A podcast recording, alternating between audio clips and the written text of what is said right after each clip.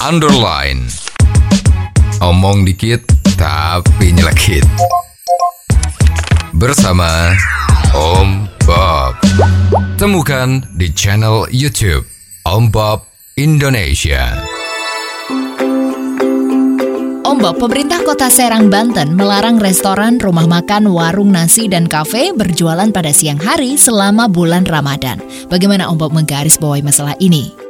Peraturan dari pemerintah kota Serang ini memang patut dipertanyakan. Ya, Mestinya Kementerian Dalam Negeri juga berdasarkan wewenangnya yang ada itu bisa membatalkan peraturan ini atau paling sedikit memaksa untuk dicabut. ya, Karena kan tidak semua orang puasa, misalnya seorang muslim itu tidak semuanya puasa.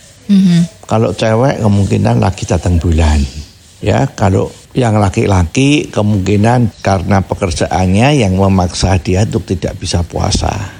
Juga misalnya orang tua atau anak-anak yang sedang sakit itu kan tidak puasa. ya, Jadi kalau sedang tidak puasa terus apakah dia tidak boleh makan? Kan harus makan juga. Jadi itu kan harus beli di warung-warung atau kaki lima atau restoran yang jual makanan. ya, Lah sekarang nggak cuman itu. Sekarang katakanlah perda ini tadi itu kan mengutamakan menghormati orang yang puasa.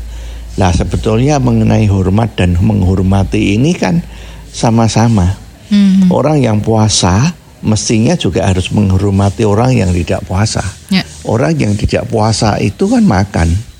Ya terutama mereka yang bukan agamanya Muslim biasanya kan tidak ikut puasa. Ya jadi dia kan juga berhak untuk mendapatkan layanan beli makanan minuman. Ya, agar supaya dia punya gizi, dia punya sumber makanan itu masih ada. ya, Nggak cuman itu, itu sekarang yang jual, yang jualan usahanya itu jualan makanan minuman, kaki lima, warung tegal, restoran, ya banyak kan itu yang hidupnya dari jualan itu. Ya. Kalau sekarang tidak boleh jualan, bagaimana? Apakah sebulan ini dia ikut puasa? Artinya tidak ada income. Lah tanggung jawab dia sebagai soko guru dari anak-anaknya atau keluarganya bagaimana? Ya jadi ini mestinya nggak bisa kalau keluar peraturan yang seperti ini. ya, Peraturan ini sudah ketinggalan zaman. Ya. Ini adalah salah satu wujud dari kalau kita mau nekat ngomongnya ya ini termasuk yang radikal.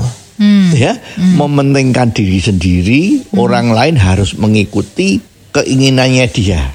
Lah ini kan nggak boleh. ya, Ya jadi ini sudah sangat disesalkan. Ya mestinya ini para pejuang-pejuang hak asasi manusia juga pejuang-pejuang untuk mendukung toleransi ini harus melakukan appeal ya.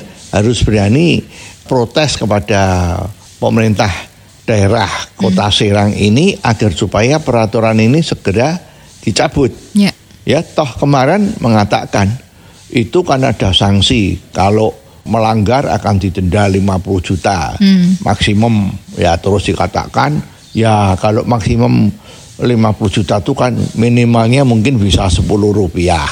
Ya jadi katanya masuk penjara kurungan itu bisa satu bulan atau maksimum satu bulan atau bisa juga satu hari.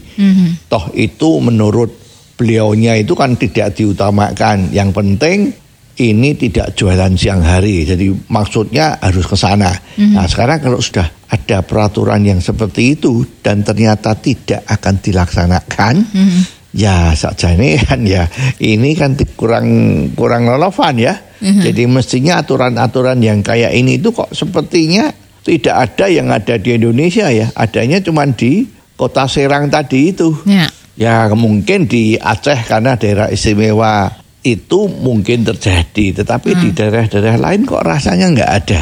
Ya. Kenapa ini kota Serang kok mengeluarkan peraturan ini? Apa kepingin populer dia melakukan sesuatu yang tidak umum, melakukan sesuatu yang orang lain tidak melakukan Ya. supaya lebih populer. Ya, jadi mestinya ini patut digarisbawahi bahwa hal-hal yang seperti ini jangan sampai terjadi. Jika hal ini dibiarkan, bagaimana Om Bob? Kalau hal ini dibiarkan saja, Mhm. maka semboyan-semboyan dari pemerintah yang selama ini banyak dibicarakan untuk membasmi radikalisme di Indonesia akan menjadi dipertanyakan Ya. ya.